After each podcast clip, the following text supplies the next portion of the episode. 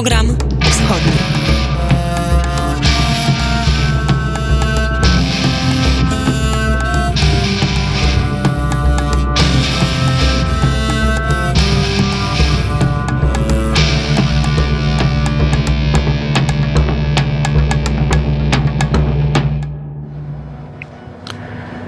Dzień dobry Państwu, jest godzina 10.06 w Warszawie. Wita się z Państwem w programie wschodnim Piotr Mateusz Bobołowicz. Witam się z Państwem z przyszłości z 11.07 w tym momencie już, bo jestem w Talinie, ale o tym opowiem później. Audycję realizuje Janek Langa. Dzisiaj, tak jak wspomniałem, opowiem o Talinie, a bardziej jeszcze o Łotwie. Posłuchamy też rozmowy z Marisem Andjansem łotewskim politologiem. Wysłuchamy także reportażu Artura Żaka, reportażu z obchodów Święta Wojska Polskiego w Lwowie, mm, ale oczywiście zaczniemy od wiadomości białoruskich. W Wilnie jest szefowa redakcji Radia Wnet, Olga Siemaszko. Dzień dobry, Olu. Dobry, Piotrku. Nie jestem w Wilnie, jestem w Warszawie i mam nadzieję, że nie będę miała jakichś problemów z internetem, bo słyszę, że mam jakiś problem z połączeniem, ale zaczynamy od wiadomości z Białorusi.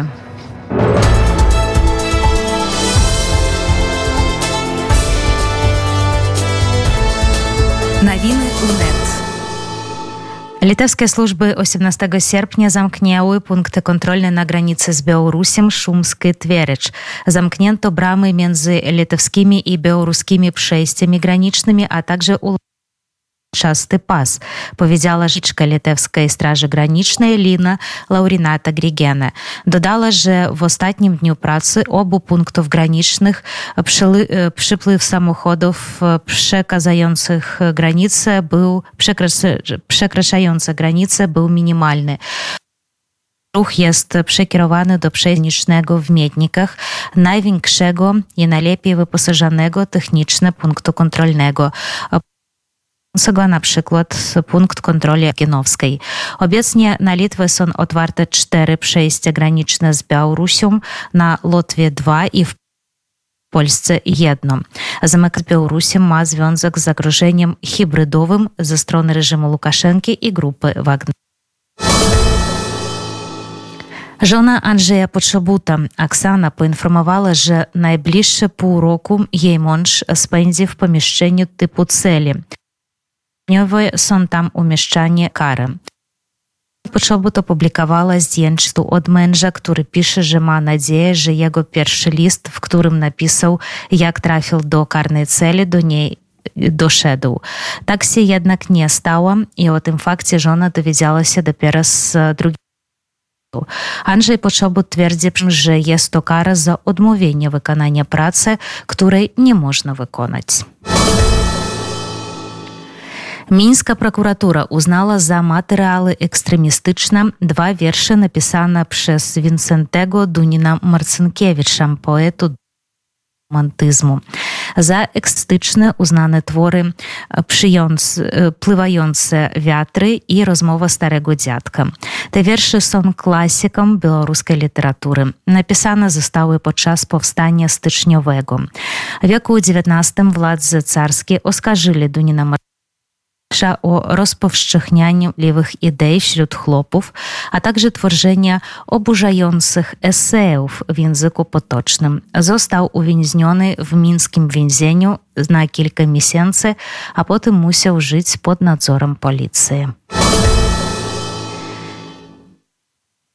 Białorusini w Warszawie są o przeznaczeniu specjalnego miejsca, pomieszczenia dla białoruskiego teatru.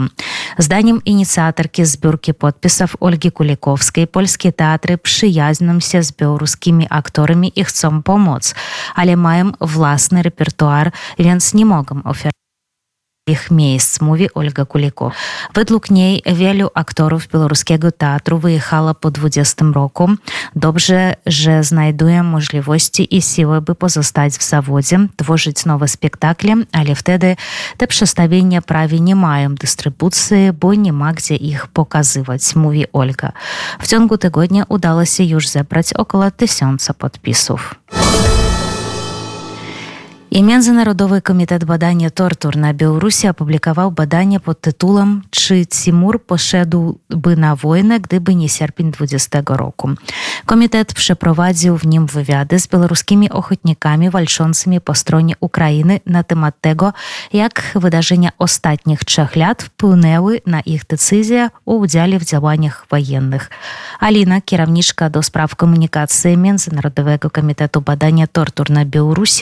opowiedziała nam o badaniu, jego i możliwych zastosowaniach. жнівеньскіх падзей міжнародны камітэт па расследаванні катаванняў падрыхтаваў новую працу W rocznicę wydarzeń sierpniowych Międzynarodowy Komitet Badań Tortur przygotował nową pracę pod tytułem Czy Timur poszedłby na wojnę, gdyby nie sierpień 2020? Ta praca jest dla nas dość nietypowa, ponieważ zwykle Komitet Międzynarodowy stara się zachowywać jak najwięcej historii osób, które były świadkami tortur i na podstawie tych historii zwykle składamy raporty i prowadzimy badania. Oznacza to, że są to poważne dokumenty prawne używane przez organizacje międzynarodowe. Ale tym razem poszliśmy nieco inną drogą, dość eksperymentalną jak dla naszej organizacji. I postanowiliśmy przygotować bardziej, można powiedzieć, swobodny dokument, swobodne badanie. Nazwałabym to nawet dyskusją, refleksją na temat bardzo bliski każdemu Białorusinowi i Białorusince. Na temat zbiorowej traumy, którą jako naród przeżyliśmy w sierpniu 2020 roku. W ramach tej pracy rozmawialiśmy z 15 ochotnikami pułku kalinowskiego i zapytaliśmy ich, jak wpłynęły na nich wydarzenia 20 roku i co wpłynęło na ich decyzję, żeby walczyć za Ukrainę i wstąpić do pułku kalinowskiego. Zdecydowaliśmy się pójść tą drogą, ponieważ dokumentując historię i relacje osób, które zostały żołnierzami, zauważyliśmy pewien schemat, w którym wielu ochotników mówiło, że osobiście doświadczyło tortur. Postanowiliśmy trochę zastanowić się nad tym tematem i wspólnie z psychologiem kryzysowym stworzyliśmy kwestionariusz, za pomocą którego rozmawialiśmy z naszymi 15 bohaterami. Ankietę przeprowadził Demian Popo, psychoterapeuta współpracujący z pułkiem Kalinowskiego. Następnie przetworzyliśmy te odpowiedzi i skompilowaliśmy wszystko w jeden duży dokument. Naszym pomysłem było przekazanie przez te 15 historii, jak te straszne wydarzenia wpływają na życie i decyzje zwykłych ludzi. To znaczy nie tylko ci, którzy osobiście doświadczyli tortur, ale także ci, którzy mogli być ich świadkami, czy ich bliscy, przyjaciele, krewni przez to przeszli, lub nawet ci, co codziennie widzą i czytają te okropne wiadomości na kanałach w Telegramie. Może wydawać się to trochę skomplikowanym tematem, ale uważamy, że bardzo ważne jest, aby o tym rozmawiać, ponieważ zrozumienie tej traumy jest jednym z kroków do życia z nią, a nie da się zbudować przyszłości bez doświadczenia traumy. To nie jest badanie naukowe i nie możemy powiedzieć, że naprawdę istnieje korelacja i że każda osoba, która była torturowana, jest gotowa walczyć prawdziwą siłą, bronią i tak dalej. Ale z większą lub mniejszą pewnością możemy stwierdzić, że takie przeżycie na pewno ma silny wpływ na stan psychiczny człowieka, jego przyszłe życie i decyzje. I on dokładnie адлюстроўваецца вельмі моцна на решениях, психологічным стане і житті чоловіка дальейшym. No i właśnie jak eksperty ocenili psychologiczny stan? A jak eksperci ocenili stan tych, którzy w chwili rozpoczęcia wojny na pełną skalę zdecydowali się wziąć udział w tej wojnie w obliczu tortur na Białorusi? Tam досвід катування у Білорусі. Глядзіце, тут трошки ідэя была не ў тым, каб паставіць ім нейкі дыягназ, а тут больше Chodziło o to, aby nie stawiać im żadnej diagnozy. Bardziej chodzi o społeczeństwo jako całość. A jeśli mówimy o społeczeństwie, razem z psychologami możemy śmiało stwierdzić, że zbiorowa trauma przydarzyła się każdemu z nas i że ta trauma powinna, powinna być leczona. To nie są jakieś badania naukowe, w których oceniamy i próbujemy zdiagnozować ochotników walczących na Ukrainie. Ale na ich przykładzie pokazujemy, jak te wydarzenia odbijają się na życiu Białorusinów. Życiu кожнага і кожнай і беларусы і беларускі Szczerze кажучи, я не меў на увазе дыагназ, я меў на увазе менавіта... Nie chodziło mi o diagnozę, tylko o to, jak traumatyczne przeżycia na Białorusi przekładają się na sytuację wojenną. Co zmotywowało tych Якая ochotników? мотивація рухала гэтымі добраахвотнікамі? шмат хто з іх напрыклад казаў пра тое што а, для них а, вось м, Wielu ważne meta, jaką, Wielu z nich powiedziało, że ważnym powodem, dla którego poszli i zostali ochotnikami, jest to, że Ukraina stała się dla nich czymś w rodzaju drugiego domu. A walka o Ukrainę stała się jakby projekcją tych uczuć, chęcią walki o swój osobisty dom, o swoją osobistą Białoruś, o ojczyznę, o kraj. W rzeczywistości, jeśli przeczytasz tekst, faktycznie są tam cytaty, w których ludzie mówią, że była to dla nich jakaś praca nad osobistą traumą, że mogą podjąć jakieś działania. I dla nich te dwa działania na siebie się nałożyły. Walka z reżimem Łukaszenki i walka o Ukrainę, która stała się dla nich drugim domem. Wielu ochotników powiedziało, że było to dla nich zbawienne uczucie, że mogli przynajmniej coś zrobić. Chyba głównym celem jest zwrócenie uwagi i podkreślenie tego problemu, stanu psychicznego społeczeństwa, bo widzimy, że o tej zbiorowej traumie mówi się tu i ówdzie, ale nikt jej dokładnie nie definiuje i warto byłoby o tym porozmawiać. Warto byłoby pomyśleć o sposobach pracy nad nią w przyszłości. Chciałabym też powiedzieć o takim pomyśle na ciekawe wykorzystanie tych badań. Być może jest to bardzo wysokiej jakości narzędzie, aby jednym dokumentem pokazać swoim znajomym, którzy nie są Białorusinami, przez co przeszli Białorusini i Białorusinki. Jak to na nich wpływa, jak wpływa na ich kondycję i chęć wspierania Ukrainy. Jak to na nich wpływa, про то, jak to wpływa na ich stan i żądanie podtrzymywać Ukrainę. Аліна, кіраўнічка да справ камунікацыі міжнародовага камітэта бадання тортур на Беларусі апавядала о баданню чы Цімур пашэду бы на войны, гды бы не серпень 20 року.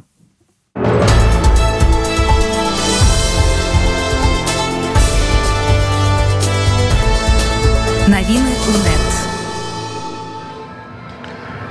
I to były wiadomości białoruskie. Bardzo dziękujemy szefowej redakcji białoruskiej Radia Wnet, Oldze Siemaszko, która e, mówiła do Państwa z Warszawy. Do usłyszenia, Olu. Do usłyszenia.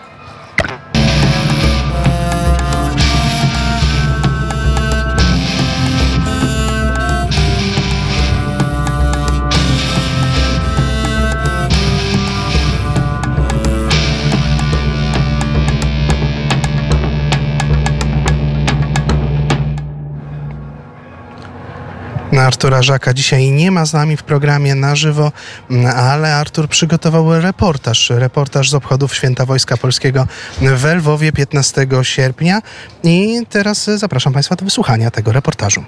15 sierpnia w dniu święta Wojska Polskiego w 103. rocznicę Bitwy Warszawskiej w ramach mszy odpustowej została odprawiona w katedrze pod wezwaniem w niebowzięcia Najświętszej Marii Panny w Lwowie msza w intencji ojczyzny, w której udział wzięli przedstawiciele Konsulatu Generalnego Rzeczypospolitej Polskiej w Lwowie oraz polskie środowiska na Ukrainie. Po mszy na cmentarzu obrońców Lwowa złożono kwiaty i zapalono znicze przy płycie na głównej, na grobach uczestników wojny polsko-bolszewickiej, a także pod pomnikami francuskich pichurów i lotników amerykańskich. Podczas uroczystości minutą ciszy uczczono pamięć wszystkich poległych za ojczyznę. Tymi oto słowami zwróciła się do zgromadzonych Natalia Rudczyk, wicekonsul w Konsulacie Generalnym Rzeczypospolitej Polskiej w Lwowie.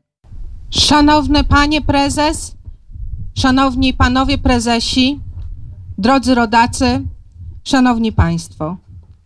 Spotykamy się dziś, aby uczcić święto Wojska Polskiego. To jest szczególna okazja, kiedy możemy wyrazić naszą wdzięczność, nasz szacunek i uznanie dla wszystkich tych, którzy oddali życie służąc naszej ojczyźnie. Święto Wojska Polskiego zostało ustanowione na pamiątkę Wiktorii w Bitwie Warszawskiej w 1920 roku. To wielkie świadectwo przełomu w wojnie polsko-bolszewickiej, w odpieraniu bandyckiej napaści na Polskę. Ale dzisiejsza uroczystość to jest także okazja do tego, by spojrzeć w przeszłość, zrozumieć, że współczesne wojsko polskie jest spadkobiercą wielu pokoleń żołnierzy, którzy oddali swoje życie w imię niepodległości, wolności i godności naszej ojczyzny. Jednocześnie nie możemy zapominać, że święto Wojska Polskiego to nie tylko celebracja tych militarnych sił, to także czas na rozmowę o wartościach, które łączą całą naszą społeczność. Szacunek do drugiego człowieka, patriotyzm to są cechy, które powinny charakteryzować nie tylko żołnierzy, ale także nas wszystkich. Szanowni Państwo, cmentarz obrońców Lwowa jest miejscem o wyjątkowym znaczeniu historycznym i symbolicznym. To jest miejsce pochówku żołnierzy, bohaterów, obrońców Lwowa, którzy walczyli o miasto i o ten region w różnych konfliktach i okresach historycznych. I chociaż te główne uroczystości z okazji Święta Wojska Polskiego odbywają się tradycyjnie na placu Marszałka Piłsudskiego w Warszawie, to Polacy na całym świecie nie zapominają o tym, że dzisiaj jest właśnie Święto Wojska Polskiego i czczą ten dzień. Nie zapominajmy i my, że to właśnie tu, na cmentarzu obrońców Lwowa, znajduje się tak zwana czarna płyta, z której w 1925 roku pobrano szczątki nieznanego bohatera dla ustanowienia grobu nieznanego żołnierza w Warszawie. Za chwilę zapalimy znicze ku pamięci obywateli Republiki Francuskiej oraz Stanów Zjednoczonych Ameryki Północnej, którzy ramię w ramię z Polakami walczyli. Udzielone wsparcie było przykładem braterstwa i współpracy w imię wspólnych wartości. W Lwowie już po raz drugi gromadzimy się tutaj w warunkach wojennych, tej pełnoskalowej napaści Rosji na Ukrainę. I trzeba podkreślić, że naszym celem jest również wsparcie dla pełnego zwycięstwa Ukrainy w tej wojnie. Dziękuję z całego serca wszystkim, którzy przyczyniają się do zachowania pamięci o polskich żołnierzach, których groby znajdują się na terytorium Ukrainy. I szczególnie zwracam się tu do pana prezesa Janusza Balickiego oraz członków Towarzystwa Opieki nad Grobami Wojskowymi w Lwowie. Bez Państwa zaangażowania dbanie o polskie nekropolie byłoby dużo trudniejsze. I na koniec, pamiętając o historii, e, trzeba myśleć o teraźniejszości i przyszłości. Wszystkim żołnierzom Wojska Polskiego, którzy służą w kraju, jak i poza jego granicami, życzę wytrwałości i satysfakcji z wykonywanych obowiązków. A tym, którzy włączają się w pomoc Ukrainie w walce z rosyjskim wrogiem, dziękuję za oddanie i działanie na rzecz budowania wizerunku Polski jako państwa lojalnego i wiarygodnego. Niech żyje wolna Polska, niech żyje wolna Ukraina. Powiedziała Natalia Rudczyk, wicekonsul w konsulacie generalnym RP w Lwowie. Uroczystości na cmentarzu Łyczakowskim zostały zorganizowane przez Lwowskie Towarzystwo Opieki nad Grobami Wojskowymi we współpracy z Konsulatem Generalnym. A oto co w krótkiej rozmowie powiedział Janusz Balicki, prezes towarzystwa. Jak co roku spotykamy się na cmentarzu obrońców Lwowa, spotykamy się w Dzień Wojska Polskiego. Panie Januszu, pan się opiekuje, pan i pana ludzie opiekują się tym miejscem już od wielu, wielu, wielu lat, a w takim ciężkim czasie, podczas e, pełnowymiarowej wojny, co to święto Wojsko Polskiego znaczy dla pana, dla pana bliskich, dla pana, członków pana stowarzyszenia? No, przede wszystkim y, Polskie Towarzystwo Opieki nad Grobami Wojskowymi od lat naprawdę opiekuje się miejscami pamięci narodowej na terenie Lwowa, przede wszystkim związanych, y, które są związane z polskim żołnierzem, który w trudnych czasach y, wojny bronił ten, ten kraj. Dla nas pamięć o Wojsku Polskim to na pewno jest przekazana przez rodziców, ponieważ sami nie byliśmy świadkami tych wszystkich wydarzeń, ale świadomość tego, że, że o te mogiły trzeba dbać jest w każdym członku towarzystwa, który od 30 lat już działa, opiekuje się tymi miejscami pamięci. Dzisiejsze święta Wojska Polskiego tutaj na cmentarzu obrońców Lwowa składamy kwiaty, wieńce wdzięczności dla tych pokoleń żołnierzy, którzy ceną własnego życia zdobywali powiedzmy ten kraj, bronili przed najeźdźcą i dlatego dla nas jest bardzo ważne, że dzisiaj w, w trudnych czasach, kiedy w każdej chwili oczekujemy powiedzmy oszczeliwań ze strony nieprzyjaciela, czyli rosyjskiego agresora, wojsko polskie też służy przykładem tego, że jest gotowe bronić swego kraju, polskiego kraju. Oczywiście, że w minionych latach mieliśmy tutaj przedstawicieli Wojska Polskiego, teraz jest inaczej, no niestety, ale mamy nadzieję, że doczekamy się lepszych czasów i Wojsko Polskie będzie obecne na tych uroczystościach na cmentarzu obrońców Lwowa. No tak, ja pamiętam te lata, kiedy byli żołnierze Wojska Polskiego, byli żołnierze Stanów Zjednoczonych, e, wielokrotnie podczas e, tych uroczystości byli przedstawiciele też Wojska Ukraińskiego wtedy na, tutaj na cmentarzu obrońców e, Lwowa, ale tak jak pan powiedział, wy się opiekujecie nie tylko tym miejscem. Ile miejsc pamięci jest pod waszą opieką? Czy mo może pan z głowy wymienić? No oczywiście, no y, takich miejsc jest ponad 20, którymi się y, opiekujemy w ciągu całego roku, ale to jeszcze nie wszystko. Coraz y, docieramy do nowych miejsc, które potrzebują opieki i szczerze mówiąc brak naszych sił. No niestety wykruszamy się powoli i w dzisiejszych trudnych czasach właśnie, gdy nie ma takich wolontari- wycieczek wolontariuszy z Polski, brakuje nam tych sił, które by po pozwolili porządkować te miejsca pamięci w okolicy Lwowa i w ogóle na ziemi lwowskiej. Czyli można powiedzieć, że jeżeli usłyszą pana ci, którzy chcieliby pomóc, czy fizycznie, czy, czy, czy na przykład finansowo, mogą się bezpośrednio zwracać do państwa instytucji? Jak najbardziej, zawsze oczekujemy. Y, dobre ręce zawsze się przydadzą, a pracę zawsze mamy wiele, dlatego no ni niestety y, miejsca pamięci to są y, zawsze w takich miejscach, które porastają krzakami, trawą, no i zawsze potrzebują właśnie takiego podejścia w ciągu roku przynajmniej kilka razy, żeby można było ich doprowadzić do normalnego wyglądu.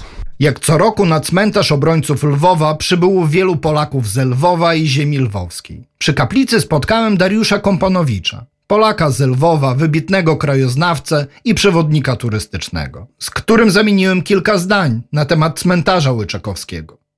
Jesteśmy na cmentarzu obrońców Lwowa, tuż po mszy, mszy odpustowej w katedrze pod wezwaniem w niebowzięcia Najświętszej Marii Panny. W dniu 15 sierpnia, czyli w dniu z jednej strony i Wojska Polskiego, ale z drugiej strony też w dniu, w którym wspominamy e, bitwę warszawską e, i, i generalnie wojnę z bolszewikami 20 roku. Ty, Darku, byłeś przez wiele lat przewodnikiem. Robisz to z pasją. Właśnie, jesteśmy w miejscu wyjątkowym dla każdego lwowiaka. Od czego zaczynałeś wycieczkę tutaj na cmentarzu obrońców Lwowa? Od jakiego miejsca? Na cmentarzu obrońców Lwowa zaczynałem zawsze od płyty Nieznanego Żołnierza. Po pierwsze, że to jest takie główne miejsce, które zaprojektował autor projektu tego cmentarza Rudolf Indruch jako miejsce centralne, gdzie miały później składać właśnie wieńce, kwiaty, znicze, delegacje, to co my teraz na dzień dzisiejszy czynimy. A po drugie, prosta rzecz, tam zazwyczaj był cień. I jak lato było, upalne lato, wtedy kiedy właśnie wycieczki przyjeżdżają, to tam zatrzymywaliśmy się. Tam jest bardzo dobre echo, o dziwę, bo tam są tylko właściwie dwa boczne pelony i centralna brama, kolumnady już niestety dzisiaj nie ma, ale jakoś tak mi się wydaje, że tam jest jakieś takie specjalne brzmienie na tym cmentarzu.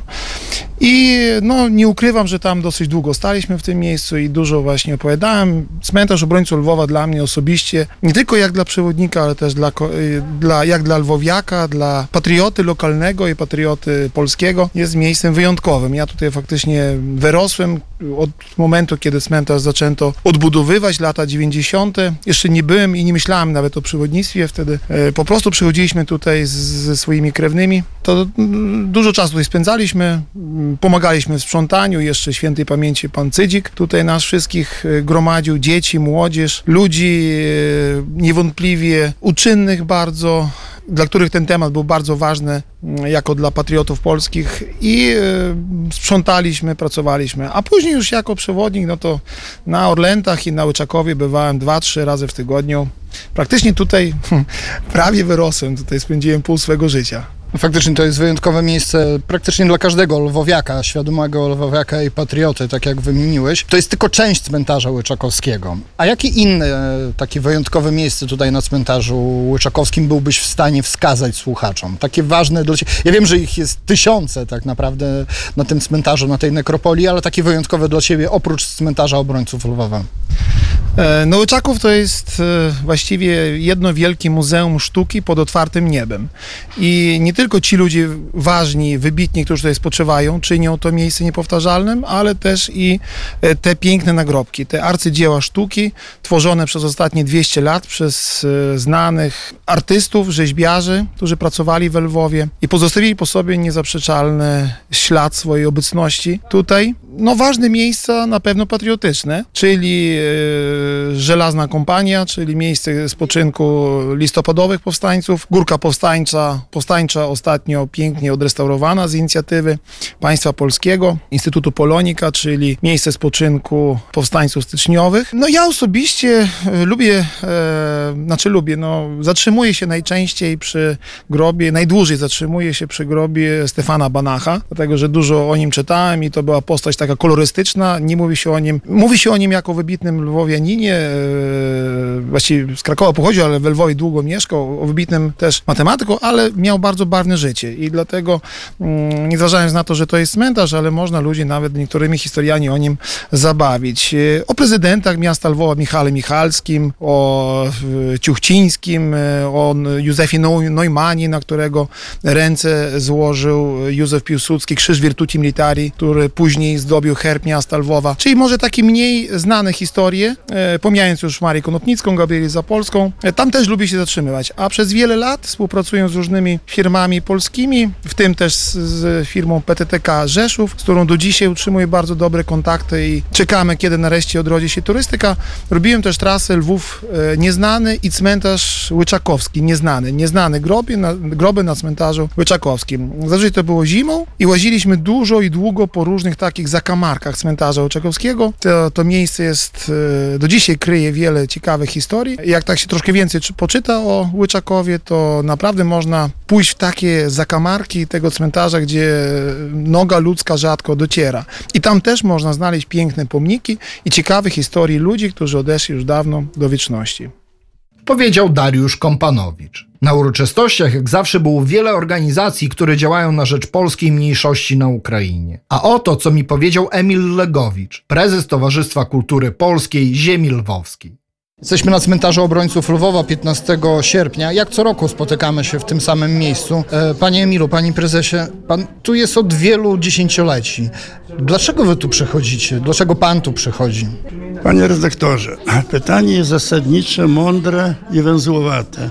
Dlaczego my tu przychodzimy? Bo jesteśmy Polakami, to raz. Po drugie, że my dbamy o historię swojego narodu. Dbamy o tych, którzy walczyli za niepodległość nas, naszej ojczyzny. I właściwie tutaj na cmentarzu Orlon, ogroba nieznanego żołnierza, oddajemy hołd wszystkim, kto oddał najdroższe swoje życie za naszą ojczyznę. Ten cud, którym, którym był nad Wisłą, on pozostaje w pamięci na pewno każdego Polaka do końca naszego życia. I taki cud ja bym sobie życzył, żeby stał się tu na Ukrainie nad, Dnie, Dnieprem, bo to by była naprawdę łaska Boża dla tego narodu, który tak strasznie jest gnębiony przez najeźdźców. Ten symbol sprzed 100 lat y, też jest ważny dzisiaj. Co by pan chciał powiedzieć obywatelom Ukrainy, Ukraińcom?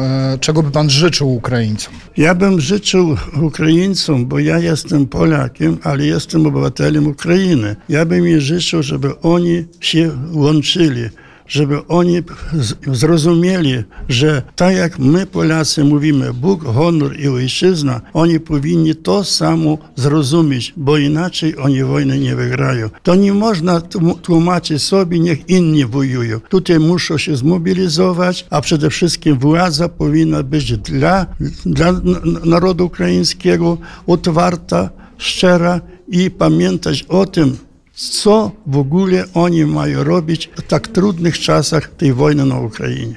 Była to krótka rozmowa z Emilem Legowiczem, prezesem Towarzystwa Kultury Polskiej Ziemi Lwowskiej. Na obchodach nie mogło zabraknąć młodzieży i pedagogów z dwóch lwowskich szkół z polskim językiem nauczania. Udało mi się zamienić dosłownie kilka słów z panią Wierą Szerszniową, dyrektorką liceum nr 10 imienia świętej Marii Magdaleny. Pani dyrektor, jesteśmy na cmentarzu obrońców Lwowa, dokładnie w katakumbach. Dlaczego pani tu przychodzi? Dlaczego pani tu jest? Tu jestem dlatego, że to jest miejsce, gdzie spoczywają żołnierze polscy walczący o niepodległość. E, żołnierze, którzy walczyli według e, bardzo pięknych ideałów i niepodległość Polska ma właśnie zawdzięczając tym ludziom, groby których tu spotykamy. Tu leżą e, obrońcy ojczyzny z roku 1920, z roku 1918, ponad 3000 mogił. Czy to miejsce w jakiś sposób jest ważne dla Ukrainy, dla państwa ukraińskiego dzisiaj w tak trudnych warunkach wojennych? Jak najbardziej. Właśnie ten 20 rok stał e, rokiem pojednania. E, nie zważając na ciężkie walki, na straty, w 20 roku e, Polska i Ukraina mieli wspólnego wroga. Była to Rosja bolszewicka. I właśnie w tej wojnie walczyli wspólnie Ukraińcy i Polacy. I zwyciężyli. I to jest bardzo symbolicznie. W, tym dzisiaj my mamy właśnie bardzo podobną sytuację.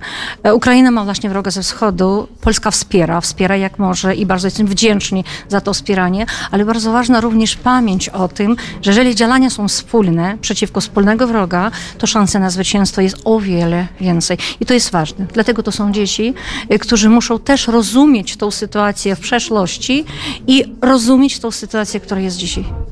Na cmentarzu porozmawiałem również z Walerem Sobieckim, dyrektorem i reżyserem Teatru My, który działa w pobliskim Domu Kultury. Teatr My jest inicjatorem Międzynarodowego Festiwalu Lwowskie Dzieci, który jest właśnie ukłonem pewnego rodzaju hołdem dla tych młodych obrońców ojczyzny. Zapytałem pana Walerego, dlaczego tu przychodzi.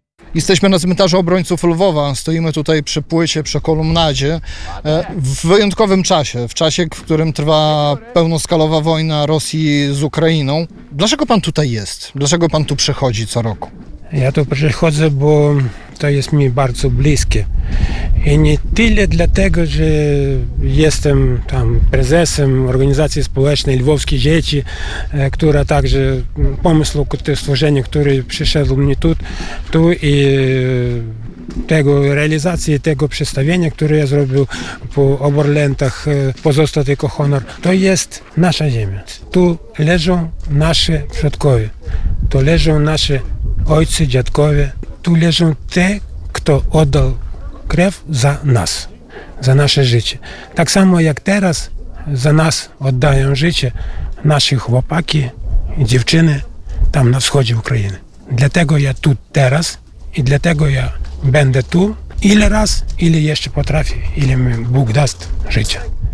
Na koniec mojej relacji pragnę zaprezentować Państwu jeszcze jeden dźwięk. I nie będzie to wywiad ani utwór muzyczny. Proszę posłuchać w akompaniamencie, jakich dźwięków zakończyły się wczorajsze obchody.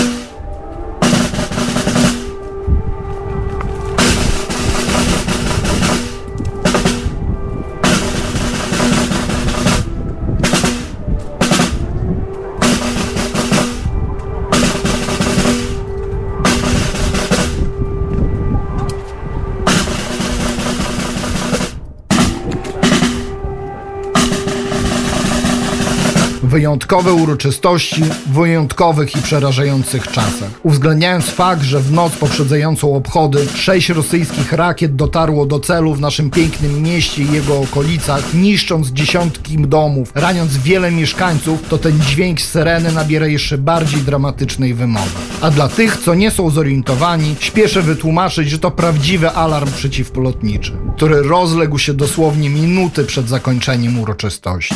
Chylę nisko czoła przed tymi, którzy oddali swe życie w obronie ojczyzny i tymi, co dziś są zmuszeni do płacenia tej najwyższej ceny. Cześć i chwała bohaterom.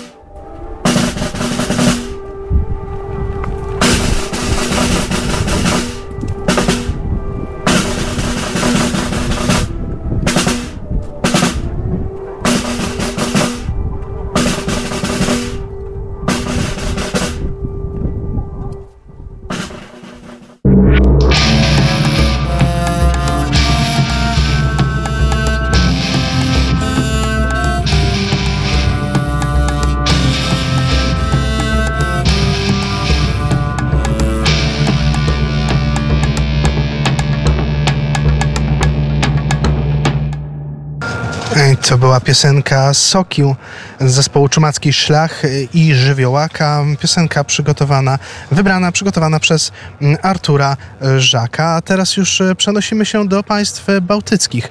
Mm, tak jak wcześniej Państwu wspominałem, jestem w Talinie, mm, ale przejeżdżałem, przejeżdżając w drodze do Talina, jadąc do Talina, jechałem przez Rygę.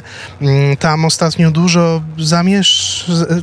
zamieszanie polityczne, upadł rząd. Niedawno były wybory prezydenckie no i oczywiście są też te problemy, które już e, istnieją od dawna, ale teraz szczególnie się nasilają, e, czyli problemy z osobami rosyjskojęzycznymi i nawet z, z Rosjanami, którzy często nie mają łotewskiego obywatelstwa, ale na Łotwie mieszkają od wielu lat.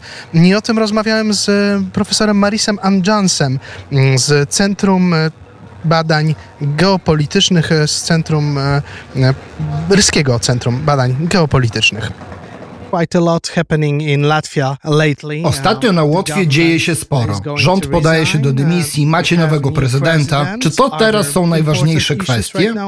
Those are the most important. Well, definitely, those are the most important and pressing currently. So Och, zdecydowanie. To są obecnie uh, najważniejsze i pilne kwestie. Tak więc są lekkie wstrząsy, łagodnie mówiąc. Jak pan uh, wspomniał, mamy nowego prezydenta. Premier właśnie podał się do dymisji. Oznacza to również, że rząd podał się do dymisji. Będzie więc kontynuował swoje obowiązki, dopóki nowy rząd nie zostanie utworzony i zatwierdzony. Będziemy też mieli nowego burmistrza Rygi, ponieważ burmistrz Rygi również zrezygnował niedawno, ale teraz powstała nowa koalicja. I tak burmistrz, premier i rząd, a także prezydent. Ale jednocześnie nie przesadzałbym, ponieważ kierunek, w którym zmierza Łotwa, jeśli chodzi o politykę zagraniczną, ale także politykę wewnętrzną, nie zmieni się zasadniczo. Co skłoniło rząd do rezygnacji i jak długo potrwa ten kryzys? Jak pan uważa? Take, what do you think? Well, there were uh, many uh, causes, uh, so the immediate cause. Cóż, jest wiele przyczyn. Tak więc bezpośrednią przyczyną upadku rządu był wybór prezydenta, ponieważ prezydent był członkiem partii, która jest obecnie największą partią w parlamencie i która jest również partią obecnego, a właściwie ustępującego premiera. Więc prezydent został wybrany głosami opozycji i od razu było jasne, że będą zmiany również w rządzie. Wydawało się też, że premier może być zmęczony swoją rolą ponieważ sumiennie służył łącznie 4,5 roku w dosyć trudnym okresie. Pandemia COVID-19, wojna rosyjska na Ukrainie i tak dalej. I nie był zadowolony z obecnej koalicji, a koalicjanci również nie byli usatysfakcjonowani. Doprowadziło to do tej decyzji, która została podjęta wczoraj przez premiera o rezygnacji. To była tylko kwestia czasu. A także w tym samym czasie powstaje nowa koalicja w Rydze, stolicy i największym, i to w dużej dysproporcji mieście Łotwy. Więc te rzeczy też są ze sobą powiązane. The, capital city, the biggest city by, by margin of Latvia, so these things are also uh, related. Więc co się zmieni? Uh, faces will be Cóż, twarze będą nieco inne. Uh, Niektóre z nich już są. Prezydent to były minister spraw zagranicznych. Był ministrem prawie 12 lat, więc to najdłużej urzędujący minister spraw zagranicznych jak do tej pory. Więc jest to w pewien sposób nowa osoba na tym stanowisku. So he is sort of a new face, uh, definitely for, for that post. Myśli pan, że ze względu na jego doświadczenie w polityce zagranicznej, akcent w kształtowaniu polityki zagranicznej może się przesunąć nieco z rządu do pałacu prezydenckiego? Czy też nie jest to możliwe w systemie łotewskim? The president has largely symbolic role, but uh, it depends very much on personality. Cóż, prezydent ma głównie uh, symboliczną rolę, ale zależy to w dużej mierze od osobowości. Uh, Wyraziste postaci z dobrym zespołem mogą mieć większy wpływ na politykę zagraniczną i zdecydowanie prezydent Rinkiewicz pozostanie centralną postacią w polityce zagranicznej przez wiele następnych lat. A na pewno przez najbliższe cztery lata jego pierwszej kadencji, zobaczymy czy nadejdzie druga kadencja, ale na pewno będzie on centralną osobą w polityce zagranicznej Łotwy, ponieważ mieliśmy różnych prezydentów. Niektórzy przewodzili polityce zagranicznej, inni skupili się bardziej na polityce wewnętrznej. Więc na pewno będzie naciskał na kwestie spraw zagranicznych. Today in Poland we have the day of uh, the army. Dziś w Polsce mamy Dzień Wojska Polskiego, święto narodowe i wielką paradę wojskową w Warszawie. I oczywiście wywołało to dyskusję w Polsce, przede wszystkim czy powinniśmy w ogóle robić takie parady, gdy jesteśmy w takim wielkim niebezpieczeństwie. Może czołgi powinny być rozmieszczone gdzieś w terenie w pobliżu granicy, a nie paradować w Warszawie. Wywołało to również pytania o zakup uzbrojenia, a także o te czołgi i pojazdy opancerzone, które wysłaliśmy na Ukrainę. Czy uważa pan, że dla państw wschodniej flanki NATO było dobrą decyzją, żeby wysyłać czołgi, pojazdy opancerzone, amunicję na Ukrainę? I czy powinniśmy to kontynuować? Ammunition to Ukraine, should we continue doing it? Definitely, as, as long as it takes, because uh, this is, uh, you know, it's, it's not... Zdecydowanie, tak długo jak potrzeba. Myślę, że to nie jest tylko walka o przyszłość Ukrainy, ale także o kraje bałtyckie, także o Polskę i inne kraje. Więc pozostaje poza wszelką wątpliwością, że musimy to kontynuować. Łotwa również była sumienna w tym względzie. To kraje bałtyckie są liderami pomocy Ukrainie w przeliczeniu na PKB. Na przykład Łotwa wysłała praktycznie wszystkie swoje wojskowe śmigłowce, samobieżne haubice, systemy przeciwpancerne i przeciwlotnicze. I na pewno będziemy to kontynuować. A także duża część społeczeństwa przekazała różne rzeczy: pieniądze, ubrania, samochody terenowe. Więc to jest wciąż ważna kwestia tutaj. Ludzie w krajach bałtyckich uważają, że Ukraińcy walczą nie tylko o swoją przyszłość i niepodległość, ale także i o naszą. Here in the Baltic states consider that the Ukrainians are fighting not only for their future and independence, but also for ours. I've seen some Ukrainian flags here in Riga. Widziałem tutaj kilka ukraińskich flag, a nawet bym powiedział, że nie kilka, a dość dużo. Czy wsparcie dla Ukrainy jest nadal silne w społeczeństwie łotewskim? W Polsce są jakieś grupy, są kręgi, które forsują antyukraińską agendę i wiele osób zaczyna czuć się zmęczonymi bądź znudzonymi wspieraniem Ukrainy.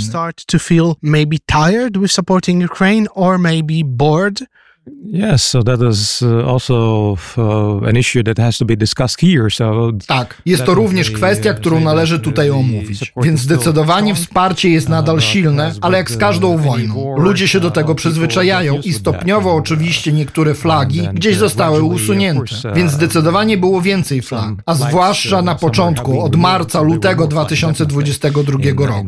Więc obserwujemy coś w rodzaju nowej fazy i nadal ludzie wspierają Ukrainę. Ostatnio przeprowadzono przeprowadzono publiczne badanie ogólnokrajowe, badanie na temat stosunku do wojny na Ukrainie. Jedno z pytań w ankiecie brzmiało, czy Rosja jest winna wojny na Ukrainie? I około 8 na 10 Łotyszy, etnicznych Łotyszy, powiedziało, że tak, że winna jest Rosja. W tym samym czasie 4 na 10 rosyjskojęzycznych powiedziało, że tak, Rosja jest winna. Więc wciąż pozostaje kwestia rosyjskojęzyczna w krajach bałtyckich, a zwłaszcza w Łotwie i Estonii. Można zdecydowanie założyć silne poparcie dla Ukrainy u zdecydowanej większości etnicznych Łotyszy, ale nie rosyjskojęzycznych. Można spojrzeć na tę sytuację tak, że szklanka jest w połowie pusta lub w połowie pełna, ponieważ z jednej strony jest wielu rosyjskojęzycznych, którzy są z Ukrainą, ale w tym samym czasie jeszcze więcej nie jest.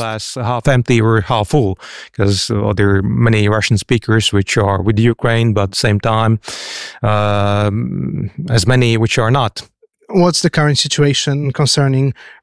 Jaka jest obecnie sytuacja osób rosyjskojęzycznych i Rosjan na Łotwie? Pojawiała się kwestia Rosjan bez łotewskiego obywatelstwa. Czy została załatwiona i co z pozostałymi? Czy ich sytuacja zmieniła się po rosyjskiej inwazji na Ukrainę i po półtora roku inwazji? After the Russian invasion of uh, Ukraine and uh, after a year and a half. Well, there have been many decisions taken uh, uh, both uh, for the domestic audience and also for Russia. So, you know, sanctions against Russia. Podjęto wiele decyzji skierowanych zarówno na rynek wewnętrzny, jak i wobec Rosji. Więc po pierwsze sankcje wobec Rosji. Tak więc zakazy podróżowania i tak dalej. Jeśli chodzi o publiczność krajową, jeśli mogę to tak ująć, kanały telewizyjne zarejestrowane w Rosji zostały zablokowane. Również wiele powstających w Rosji stron internetowych. Zrobiono to w celu ograniczenia propagandy z Rosji. Podjęto również decyzję o usunięciu, zburzeniu pozostałych sowieckich okupacyjnych pomników. Również największy w krajach bałtyckich, tak zwany pomnik zwycięstwa, został zlikwidowany w sierpniu ubiegłego roku. Tak więc doszło do dość powszechnej kampanii derusyfikacji i desowietyzacji. Wśród decyzji znalazła się również decyzja o całkowitej reformie sektora edukacji od 2025 roku. Wszystkie szkoły będą uczyć przedmiotów tylko w języku łotewskim. Oczywiście język rosyjski czy język polski lub inne języki mniejszości będą nauczane w tym języku. Ale segregacja w systemie edukacji zostanie zmniejszona począwszy od 2025 roku. Podjęto więc wiele, wiele decyzji. Również jedna dość duża obecnie kwestia. Obywatele rosyjscy mieszkający na Łotwie muszą udowodnić, że mówią językiem łotewskim, więc muszą to po prostu udowodnić. I było trochę niezgody, delikatnie mówiąc, w tej grupie rosyjskojęzycznej. Są wśród nich również starsi ludzie, ponad 60-70-letni. Oni też muszą udowodnić biegłość w tym języku, albo mogą zostać deportowani, jeśli nie mają innego żadnego uzasadnienia.